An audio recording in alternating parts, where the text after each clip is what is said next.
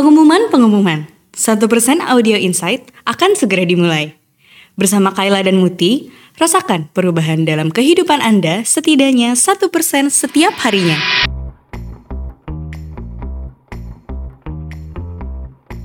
Hai, you're listening to 1% Audio Insight. Ep- Beberapa episode yang lalu kita udah bahas tentang eh, gender identity atau identitas gender. Jadi gitu. Sekarang kita mau lanjutin Yoi. pembahasan dari episode sebelumnya. Kalau kemarin tentang gender, sekarang kita mau ngomongin tentang Sexual sexual orientation. orientation. Yep. Uh, apa tuh? Jadi kalau misalnya teman-teman masih ingat kemarin eh, kita berdua ngejelasinnya pakai ah, yang namanya gender bread. Mm-mm. yang kayak yang si Mirip analogi iya analogi gingerbread itu tapi dia gender bread gitu nah si gender bread ini seperti yang teman-teman tahu ada kalau misalnya masih ingat nih atau bisa didengar lagi podcast yang kemarin bahas tentang identitas gender itu ada uh, gender identity atau identitas gender yang kemarin kita udah bahas. Terus ekspresi gender. Mm-mm. uh, ekspresi gender kalau identitas gender kan kayak ya lo identify diri lo sebagai Misalnya perempuan, Eh, gendernya apa? Mm-mm, ya apakah laki-laki. perempuan laki-laki dan atau gitu. non-binary. Mhm, atau non binary terus dari gitu ada juga ekspresi gender misalnya feminim maskul feminim maskulin androgyn. atau androgyny gitu. Ada juga biological sex. Ya biological sex tuh yang lahirnya sebagai apa? Apakah eh, laki-laki perempuan atau intersex? Mm-mm. dan ada juga yang terakhir nih yang di episode ini kita akan bahas yaitu orientasi seksual Nah, apa sih orientasi seksual itu? Mungkin teman-teman udah sering banget dengar ya istilah eh, LGBT ya Mm-mm. atau LGBTQ+ atau ya mungkin udah sering dengar.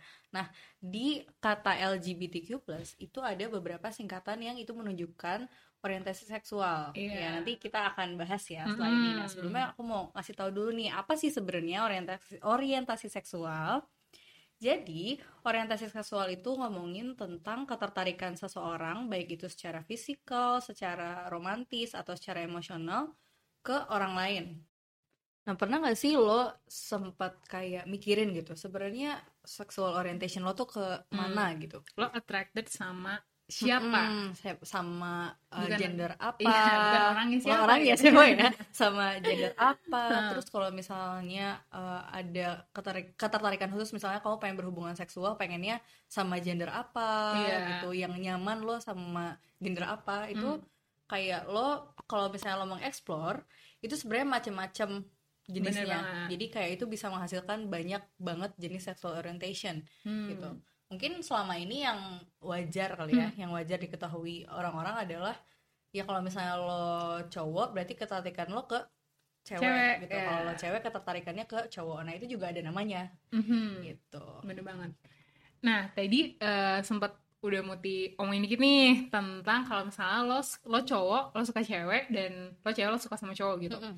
Emang yang kayak dalam tanda kutip lazim di masyarakat kita eh, yaitu tadi eh, lo harus tertarik sama lo harusnya tertarik sama eh, Lawan lawan, jenis. jenis. lo nah eh, ketertarikan seksual sama lawan jenis ini disebut heteroseksual Mm-mm. kayak gitu tapi selain itu eh, masih banyak nih teman-teman satu persen eh, apa namanya orientasi seksual yang harus lo tahu Contohnya, yang pertama yaitu gay dan lesbian Mm-mm. jadi gay dan lesbian ini adalah eh, orang yang tertarik sama eh, orang yang sesama jenis gimana sih Hmm. orang yang tertarik sama orang sama orang yang jenis memiliki ketertarikan Ya, itu terhadap lebih enak eh, orang yang memiliki gender sama. Iya, Ya. benar banget. Kalau misalnya laki-laki tertarik sama laki-laki, kalau misalnya perempuan tertarik sama perempuan. Mm-mm. Eh, sering kali disebut juga homoseksual, tapi eh, sebenarnya ada yang bilang bahwa mereka tuh prefer disebut dengan gay dan lesbian Mm-mm. gitu. Terus ada apa lagi mau? Yang kedua ada bisexual. Kalau Hmm. tadi ketertarikannya hanya ke orang yang uh, gendernya sama Iya. gitu. Kalau bisexual ini uh, ketertarikannya ke kedua gender gitu. Iya. Entah itu ke laki-laki atau ke perempuan. Regardless gender mereka apa gitu. Mm-mm, Kalau gitu. misalnya gue perempuan, gue bisa aja suka sama perempuan. eh at the moment gue juga suka sama laki-laki. Mm-mm. Kayak siapa ya kalau artis Kristen Stewart gak sih? Eh, Hmm, Ka- Kristen Stewart tuh apa ya? gue nggak tahu jujur. Itu Gak siapa ya? ngikutin gue Oke, soalnya. baiklah.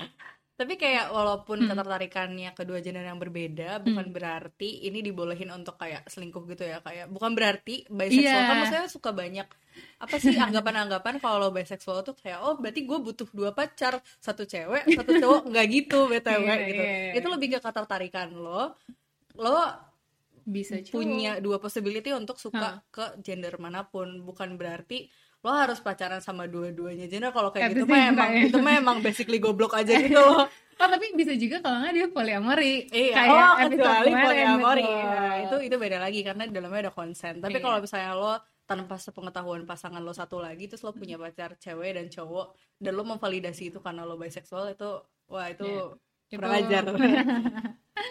gitu. Itu Terus basically just a bitch. mm-mm. terus ada apa lagi Kai?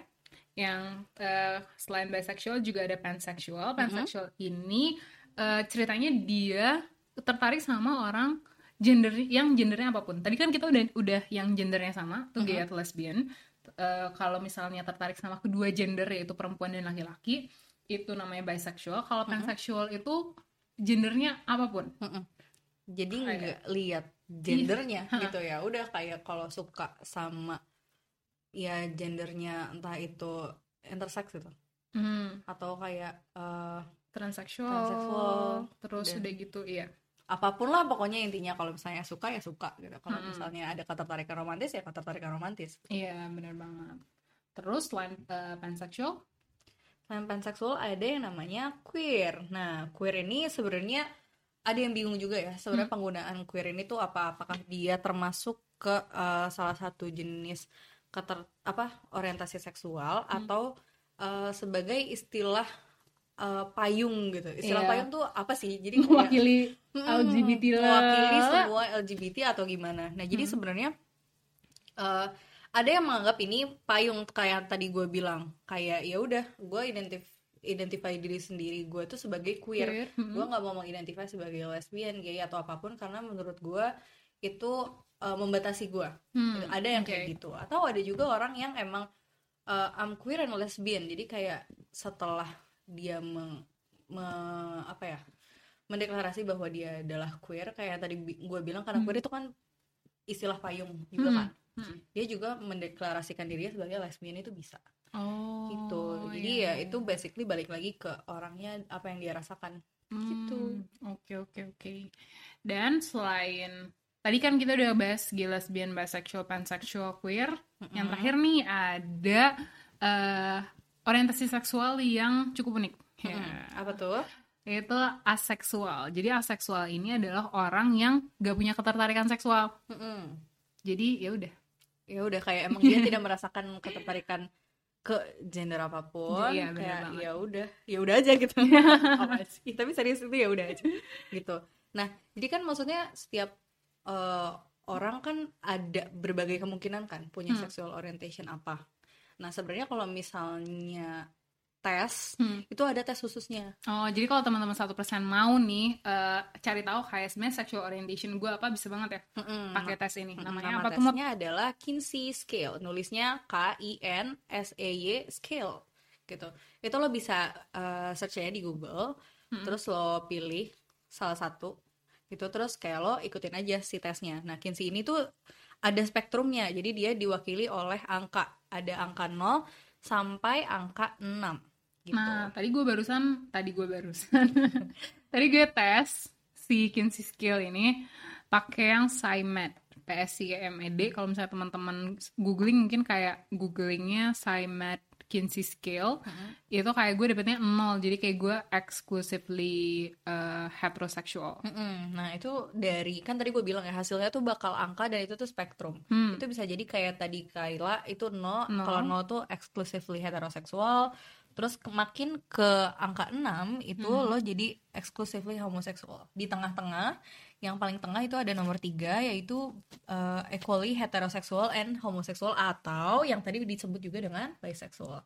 Oh, jadi kalau 0, 1, 2, 3, 4, 5, 6. Kalau 3 itu berarti yang Tengah-tengah. tengah-tengah atau Bisexual, bisexual. gitu. Oke. Tapi tadi juga gue sempat nemu di website lain sih dia Hmm. ada angka X oh. mungkin dia yaitu menggambarkan yang tadi salah satu yaitu aseksual oh iya I don't know iya, tapi iya. kayak gue juga belum baca banget yang di website uh, itu di ya. website itu cuman tadi kayak oh ada hasil X Hmm. baru lihat gitu jadi, jadi uh, kalau teman-teman penasaran bisa banget dicobain ya abis ini sambil dicari atau sambil dengerin kita sambil cobain juga bener jadi banget jadi tadi ya googling googlingnya Kinsey skill Mm-mm. Nah, sekarang kan mungkin pada bingung ya. Mungkin orang-orang yang belum tahu, terutama Mhm. pendengar satu persen kayak kok ada ya sexual orientation yang lain gitu selain heteroseksual kok banyak gitu. kok ternyata ada gitu Kok ternyata ada gitu. Terus Iya, kayak iya. pasti bingung kan kok bisa sih kayak gitu. Hmm. Kayak setahu gue di lingkungan gue seumur umur hidup Kayak- kayak semua sama aja gitu Iya, loh iya, iya. heteroseksual gitu kok bisa ada yang yang selain heteroseksual. Hmm.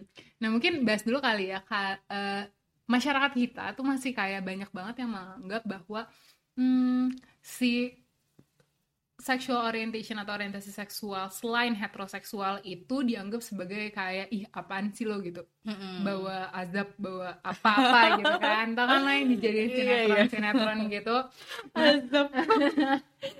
Nah, apa atau enggak kayak dibikin posternya gede-gede di kampung gitu kan, kami menolak. Menolak. Iya. Ada duit gitu. Gimana caranya menolak kalau misalnya itu ada dalam diri lo? Iya, kayak ya itu kan part of myself gitu iya, ya. bener banget. Aduh.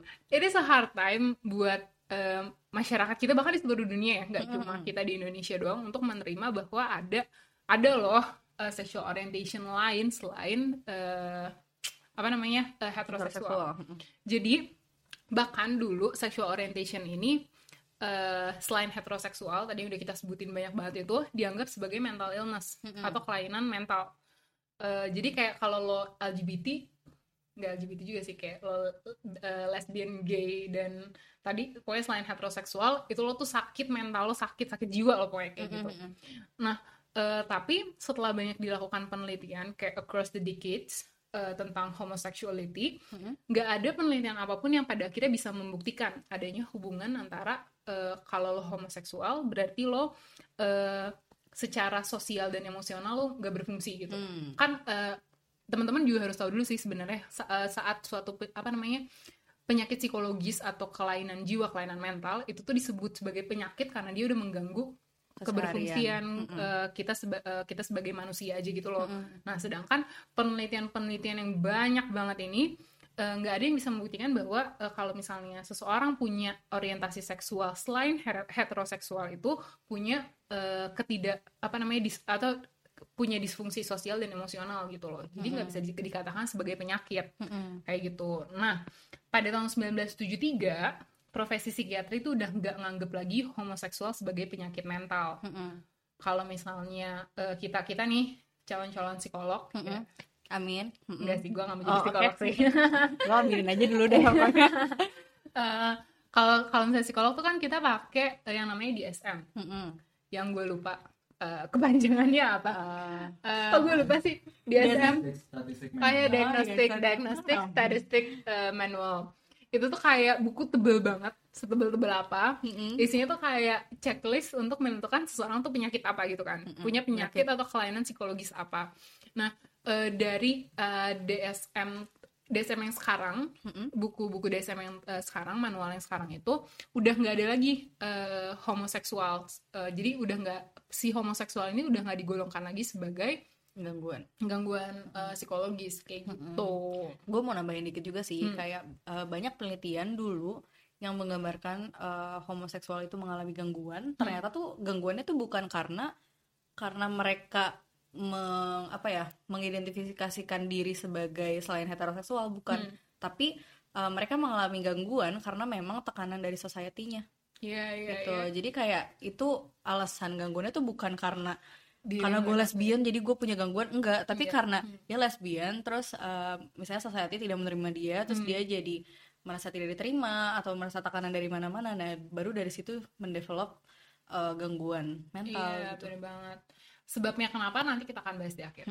Oke nah terus ada lagi nih eh, penemuan kalau sexual orientation itu datangnya dari eh, faktor biologis atau keturunan Iya. gitu Nah tapi sebelum uh, Muti ngejelasin ini kayak Mm-mm. eh, teman-teman satu persen harus tahu dulu sih bahwa eh, yang namanya apa ya kalau di psikologi kita bilangnya nggak nggak ada determinan yang pasti untuk satu atau nggak ada penyebab yang pasti untuk suatu fenomena gitu. Iya, Jadi kalau misalnya lo eh misal lo eh, gay, lesbian, aseksual segala macam nggak bisa dibilang karena A, karena B gitu. Nggak bisa dijelasinnya cuma karena satu faktor. nggak bisa karena kayak tadi biologis doang Hmm. atau karena ya apa pun lah nggak bisa Iya. pasti itu ada macam-macam yang akhirnya membentuk lo memiliki sexual orientation itu Bener banget. gitu nah jadi balik lagi ke tadi uh, penemuan bahwa sexual orientation itu uh, didasari dari biologis Hmm.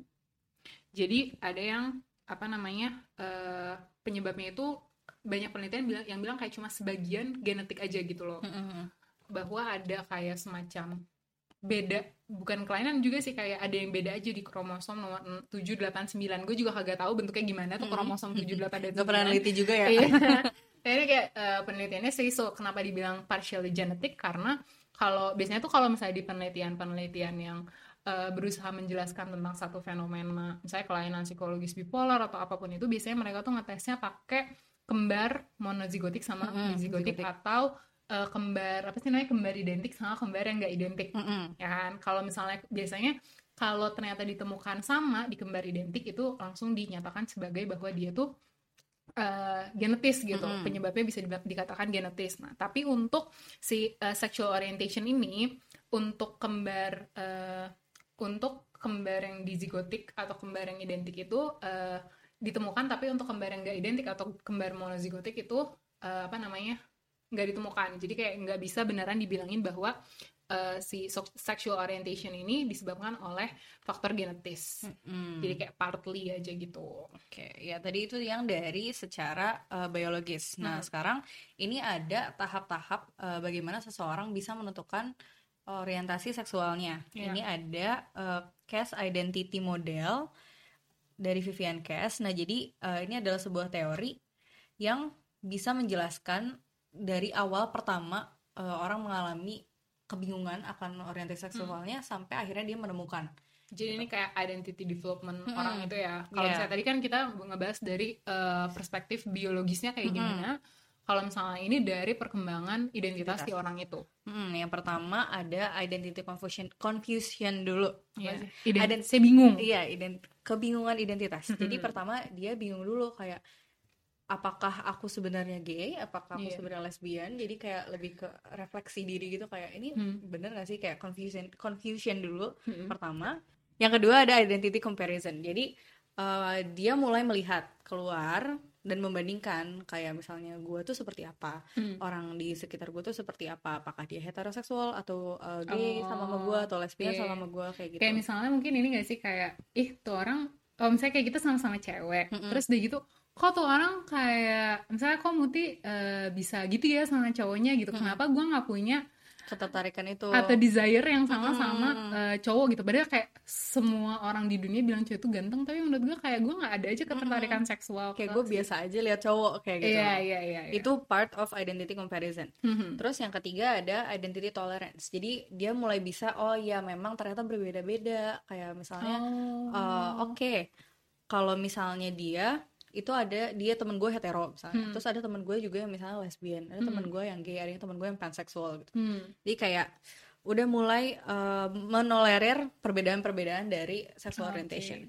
Terus yang keempat ada identity acceptance. Dia mulai menerima identitas yang dia punya. Hmm. Misalnya kayak oh oke gue hetero, oh oke gue lesbian kayak gitu. Oh, jadi tadi setelah bingung-bingung, terus kayak udah mulai ada perbandingan nih, oh ternyata gue emang beda gitu. Mm-mm. Tidak bertanya lagi, ibu kenapa aku berbeda?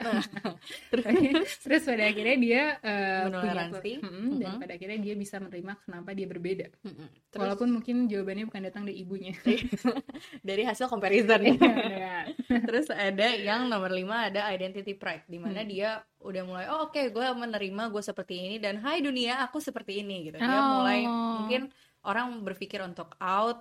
Oh, yang ini ini yang eh, kalau eh, dibilangnya apa sih coming out nggak sih? uh, out of the closet gitu kan Iya, kayak iya, tadinya iya. tertutup kayak oh ya identity gue ini tapi kayak gue nggak mau orang Hmm, tahu gitu. tapi kalau hmm, misalnya dia sudah out itu berarti dia sudah di tahap identity pride dia sudah Oke. eh, apa ya membuka terhadap dunia kayak ini Hmm. loh gue gitu. yang keenam ada identity synthesis itu jadi kayak dia sudah mulai memerge identitas seksual dia Hmm. sama identitas dia yang lain gitu Oh, Oke. kayak misalnya kan tadi ada gender bread ya Hmm. misalnya kayak oh oke gender gue perempuan eh, identitas orientasi seksual gue adalah seorang lesbian dan lain-lain identitas dia yang mungkin nggak ada hubungannya sama eh, Oh, oke, gender bread oke. gitu kayak dia udah ya udah it's part of uh, my My life stuff, gitu my yeah. stuff Hmm. Oke Gitu. oke. Gue sebenarnya eh, jadi keinget ini sih eh, Troy Sivan lo pada tau gak sih? Mm-mm.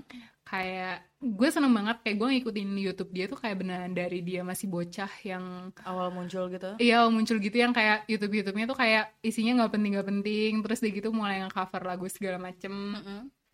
itu kayak gue seneng sih kayak ngikutin dia karena makin lama kayak makin ke sini makin apa ya dia kayak makin tadi sih yang mungkin Muti bilang sebagai yang uh, identity synthesis kayak makin lama makin merge aja gitu loh semuanya mulai dari yang kayak dia berusaha tertampil boyish. Terus dari gitu gue tuh gue inget banget gue paling suka yang uh, vlog dia yang pertama kalinya dia kutekan terus kayak pada akhirnya dia coming coming out as a gay yang kayak gitu-gitu dan pada akhirnya ya udah jadi kayak eh, mungkin ki- nggak bisa kali ya kita beneran eh, tahu kalau misalnya dari eh, kehidupan public figure gitu.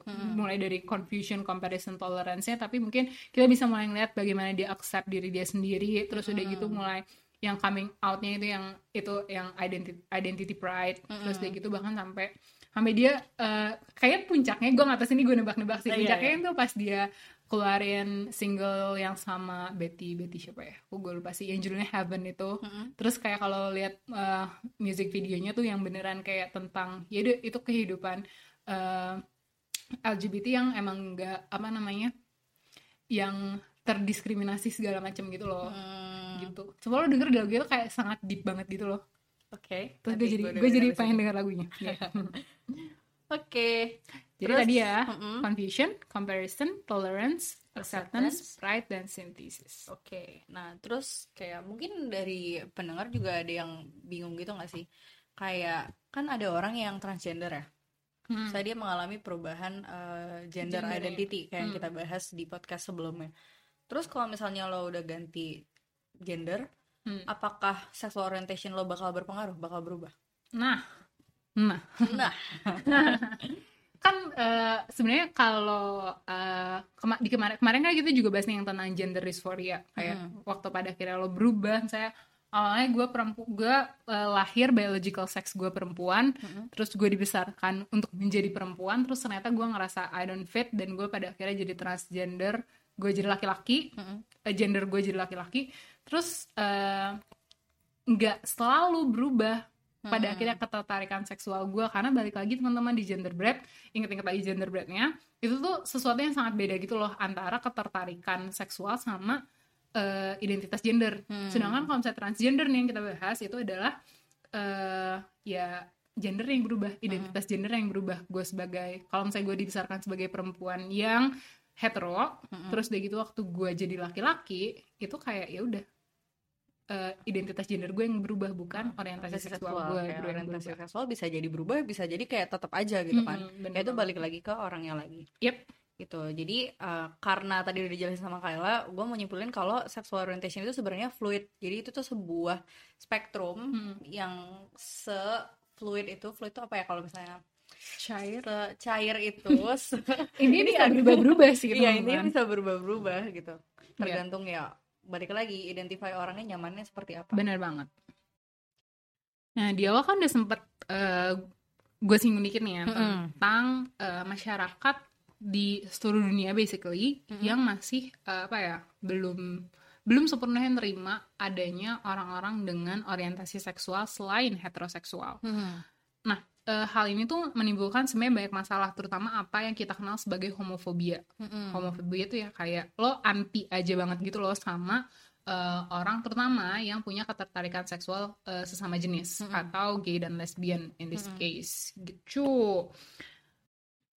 Di awal kan gue udah sempet bahas tentang nggak bahas sih singgung, eh kayak nyinyir, sama kayak sebenarnya masyarakat di eh, seluruh dunia yang masih eh, nggak bisa nerima atau kurang bisa nerima keberadaan eh, orientasi seksual selain heteroseksual. Mm-mm. yang kayak udah heteroseksual kan mayoritas. Terus Iya. kayak kalau ada yang lain tuh kayak masih masih apaan nih "Eh," apaan gitu. gitu. Iya.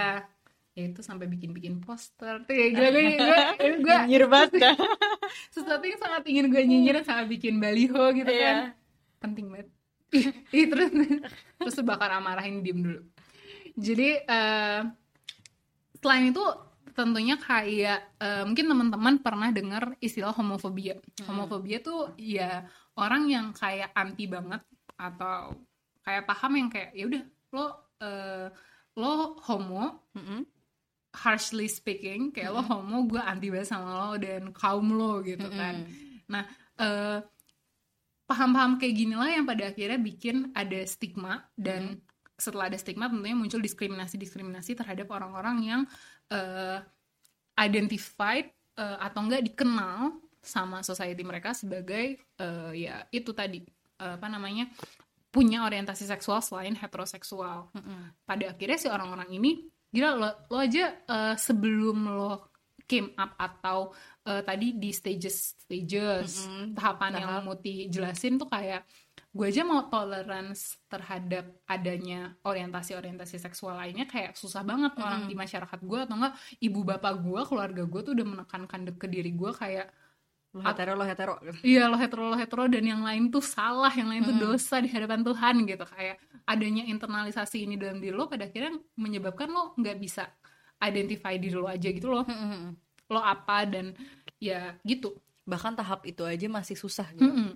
Kalau misalnya lo udah berhasil melewati tahapan itu karena kayak sekarang misalnya udah banyak banget eh, media pembelajaran yang bisa bikin lo lebih aware sama diri lo sendiri misalnya dari YouTube segala macam Eh, terus udah gitu saat lo mau ke tahapan yang pride tadi lo mau came eh, lo mau came out eh, lo takut dijudge. Atau enggak bahkan lo mengalami eh, lo dijudge dan pada akhirnya lo mengalami diskriminasi. Mm-mm.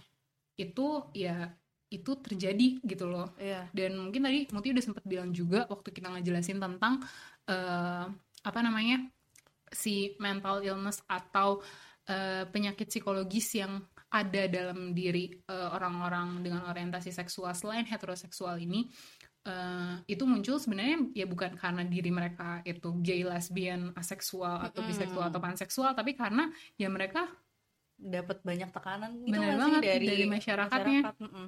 Mau Kayak- ngaku ke ayah, mau ngaku ke ibu, Takut diusir. bener gitu. banget. Terus kayak mereka terpaksa harus nyembunyiin identitasnya lah. Mm-mm. Sembunyiin kalau dia actually eh, apa namanya punya orientasi seksual yang lain terus belum kayak ya maksudnya orang yang heteroseksual aja pasti kalau di undangan ditanya kapan nikah mana pacarnya Iya. gitu aja kan pasti maksudnya Iya, udah tertekan ya kalau misalnya emang Hmm, punya gitu hmm, terus apalagi orang yang memang punya eh, orientasi seksual yang berbeda Iya. pasti kayak Uh, tambah susah gitu. ya. Jadi emang eh, emang teman-teman banyak banget penelitian yang menunjukkan bahwa orang yang punya eh, apa namanya yang gak heteroseksual, kalau misalnya masyarakatnya pun gak mendukung eh, perkembangan identitas dia sebagai non heteroseksual ini, kayak pada akhirnya eh, dia yang paling ini sih kayak ya udah pada akhirnya dia nggak bisa nemuin apa namanya seks partnernya atau yang gak seks partner dia kayak iya pacarnya pacar lah. susah Ah. bener lo aja yang hetero jomblo jomblo aja kan Iya, Ya susah. kan? Apalagi kayak ya kalau misalnya lo mau pakai aplikasi online dating kan udah banyak ya. Mhm. Tuh yang selain yang untuk heteroseksual juga banyak gitu loh. Cuman tetap aja di dalam itu tuh isinya orang-orang heteroseksual yang mau apa namanya? nyoba Hmm, bukan, bukan Apa nyoba, mau ini penelitian Muti ini soalnya the bukan penelitian penelitian muti. Maksudnya kayak gue banyak dapat cerita teman yang misalnya Oke. mereka pakai dating apps eh, misalnya untuk cewek gitu, untuk yang lesbian, tapi isinya ternyata cowok-cowok yang mau ngejebak. oh. Yang kayak, maksudnya nggak aman juga gitu loh kayak saat lo udah punya fasilitas untuk iya gue nggak ganggu lo yang hetero deh gue cari pacar untuk gue misalnya as lesbian gitu tapi pas lo pakai kayak isinya orang-orang jahat juga terus Predator. kayak su- maksudnya kayak Wow. su- banyak banget hal-hal yang membuat mereka tertekan gitu loh iya iya iya iya iya udah nggak diterima sama orang-orang terdekatnya saat Mm. dan lo pasti kesusahan untuk mencari partner lo dipersulit dibersulit saat dia mencari partner kayak lo ya ya ya gitu dunia ini keras guys Mm-mm. terus kayak pasti kan kalau misalnya dari teman-teman kalau misalnya sakit gitu pasti ke dokter nggak sih Hmm. terus kalau misalnya teman-teman ada yang eh, terganggu nih kesehariannya terus kalian punya eh, keinginan untuk ke psikolog ya Iya. kalian bisa ke psikolog gitu Hmm. nah tapi untuk teman-teman eh, yang mungkin eh, terganggu kesehariannya karena tekanan masyarakat yang tadi dibilangin Hmm. Kayla pas mereka uh, mencoba untuk ke psikolog bisa jadi mereka pun mendapatkan diskriminasi bahkan dari orang yang sebenarnya udah profesional gitu Iya, padahal yang harusnya udah ngerti Uh-uh. sama perkembangan ini. Yang kayak mereka udah desperate banget butuh orang profesional untuk bantu tapi ternyata di uh, tangan profesional pun mereka da- dapat diskriminasi kayak bisa jadi kayak mereka misalnya cerita em, mbak saya punya pacar nah pasti pasti ini biasanya dari uh, orang yang uh, profesional itu banyak yang asumsi oh kan dia cewek pasti pacarnya cowok Yang kayak Iya, gitu iya, kan iya. itu kayak sebenarnya belum tentu terus Hmm. ada juga yang memandang eh, gangguan yang dialami itu dikesampingkan direndahkan karena ya dia punya orientasi seksual yang berbeda Bukan dari biasanya yang bukan iya. heteroseksual gitu terus ya masih banyak banget diskriminasi bahkan dari sisi profesional gitu Iya, iya, iya, iya. Kalau misalnya lo, lo depresi, terus eh, saat lo juga bilang bahwa iya, iya tapi gue juga eh, gue gay atau gue lesbian, terus kayak ya pantas lo, depresi gitu, terus terus ada juga bahkan yang sampai misalnya kliennya punya gangguan tadi depresi gitu. Hmm. tapi pas cerita dia punya pacar terus ternyata orientasi seksualnya bukan hetero malah fokus di orang profesional itu untuk Hmm. mengubah orientasi seksual si orang yang cerita. Misalnya yang tadinya lesbian gitu. Iya, iya. terus kayak harusnya kan dia fokus untuk ngeiniin si depresinya mungkin Hmm. kalau misalnya punya depresi. Tapi kayak dia malah pengen ngerubah biar nggak lesbian lagi kayak ada yang kayak gitu tuh ada dan Damn. banyak ini gue dari dosen gue sendiri cerita Iya, itu. kayak gitu gengs jadi Hmm. emang maksudku ya mungkin setiap orang punya value berbeda-beda punya pandangan berbeda-beda Iya. uh, tentang ya entah itu gender orientasi seksual dan lain-lain tapi ya setidaknya kalau misalnya uh, kalian nggak bisa sharing atau nggak punya kesamaan tentang pandangan itu setidaknya hormatilah dan jangan jangan apa ya Let it interfere your work gitu nggak sih? mm-mm, mm-mm. Selain let it interfere your work juga let it, eh, apa namanya? Kalau misalnya lo punya value berbeda juga jangan sampai lo mendegradasi. Degradasi itu mengurangi kan? Mengu- iya mengurangi kok gue bingung ini kayak jangan sampai kayak value lo itu ya udah keep it to yourself aja gitu lo jangan sampai Iya. lo jadi mengurangi value manusia lain lo ngelihat manusia lain kayak less than a human gitu Mm-mm. Kayak ya lo juga dengar sendiri kan tadi Hmm. kayak apa tekanan yang mereka alami karena mungkin ya dunia ini masih menganggap itu suatu hal yang tidak benar gitu Hmm. ya lo jangan nambah-nambahin lah gitu ya Iya. udah keep it to yourself aja kalau lo Iya. emang punya pandangan yang berbeda gitu guys apalagi lo sebagai profesional gitu Mm-mm. ya tapi kalau misalnya buat teman-teman 100% ya itu sih at least Mm-mm. that is the least you can do Mm-mm, gitu mm-mm. kayak ya udah keep it to yourself aja value lo diam aja deh kalau misalnya lo nggak ada kata yang iya enak gitu untuk lo ucapin. Kayak mending benar diam aja. banget. dan kalau lo jadi ketua RT misalnya atau kepala desa jangan bikin-bikin baliho kayak gitu gitu. Kayak buat Yang apa? kayak, eh, kami menolak kehadiran. Ya gimana ya orangnya juga nggak Iya. akan ngaku gak sih? Kayak terus kalau misalnya ada terus kenapa gitu? Iya kan, nggak ngeganggu lo juga, nggak Iya. ngebakar rumah lo juga. gak nular btw Iya. oh, iya, oh ini ini ini, ini banget kok kita gak bahas ya maksudnya kayak banyak anggapan orang kayak orientasi seksual itu kayak nular kalau misalnya temen gue temenan sama yang homo Hah. gue bakal jadi ikutan homo ya ya enggak Haduh. nggak selalu gitu dan ya ya mungkin bisa aja untuk orang yang memang ternyata dia dari awalnya udah punya keraguan gue sebenarnya homoseksual atau enggak sih Hmm. gue sebenarnya lesbian atau gay terus punya teman yang iya terus jadi oh iya jadi tersadarkan bahwa gue tuh sebenarnya ini bisa jadi tapi Iya. maksudnya nggak selalu kayak Bahkan nggak sama sekali, nggak sama sekali, nggak uh-uh. nggak nular sama sekali. mm-mm, Duh. kayak emangnya lu Iya. Emangnya bener, emangnya flu. Emangnya nyamuk berdarah ada nyamuknya gitu kalau misalnya lo ini dem. ya lo lo aja dia dia aja ya udah gitu loh Iya iya iya. Dan kalau misalnya bisa eh, nge-wrap up semuanya sebenarnya kayak eh, pesan inti dari eh, si episode ini yang kita bahas tentang si orientasi seksual sebenarnya pengen bilang bahwa selain keep your value to, to yourself aja teman-teman. Kalau misalnya sampai itu mengganggu orang lain, Mm-mm, kayak mereka nggak ganggu lo juga gitu. mm-mm. Yang kedua sebenarnya intinya adalah ya apa pun itu pandanglah mereka sebagai manusia gitu loh Mm-mm. Mereka kok mereka sih. Pandanglah orang yang berbeda dari lo ya orang juga gitu. Apa pun itu bedanya lah nggak usah ngomongin orientasi seksual yang mungkin Iya. sekarang kita lagi bahas. Apa pun itu ya pokoknya be nice aja. Iya be nice to everyone. Be nice to Dah. everyone. Gitu deh. Ini mungkin eh, untuk teman-teman yang tadi punya masih ragu yang Hmm. kayak kayaknya gue mm, apa ya gue ngerasanya kayaknya gue gay deh gue ngerasanya gue lesbian atau yang ternyata kayak ya ya gue mah hetero hetero aja gitu gue Iya. cuma pengen denger aja Iya. ya semoga uh, nambah ilmu ya semoga Iya, bisa membantu dari podcast ini Dan kalau misalnya tadi mau mastiin lagi bisa tuh ke Kinsey Skill, Mm-mm. sa- cari di Google. Jadi kayak eh, identity confusionnya udah mulai bisa terjawab Mm-mm. bahwa oh iya ternyata gue ini gitu. Mm-mm. Dan ya udah good luck with the next steps.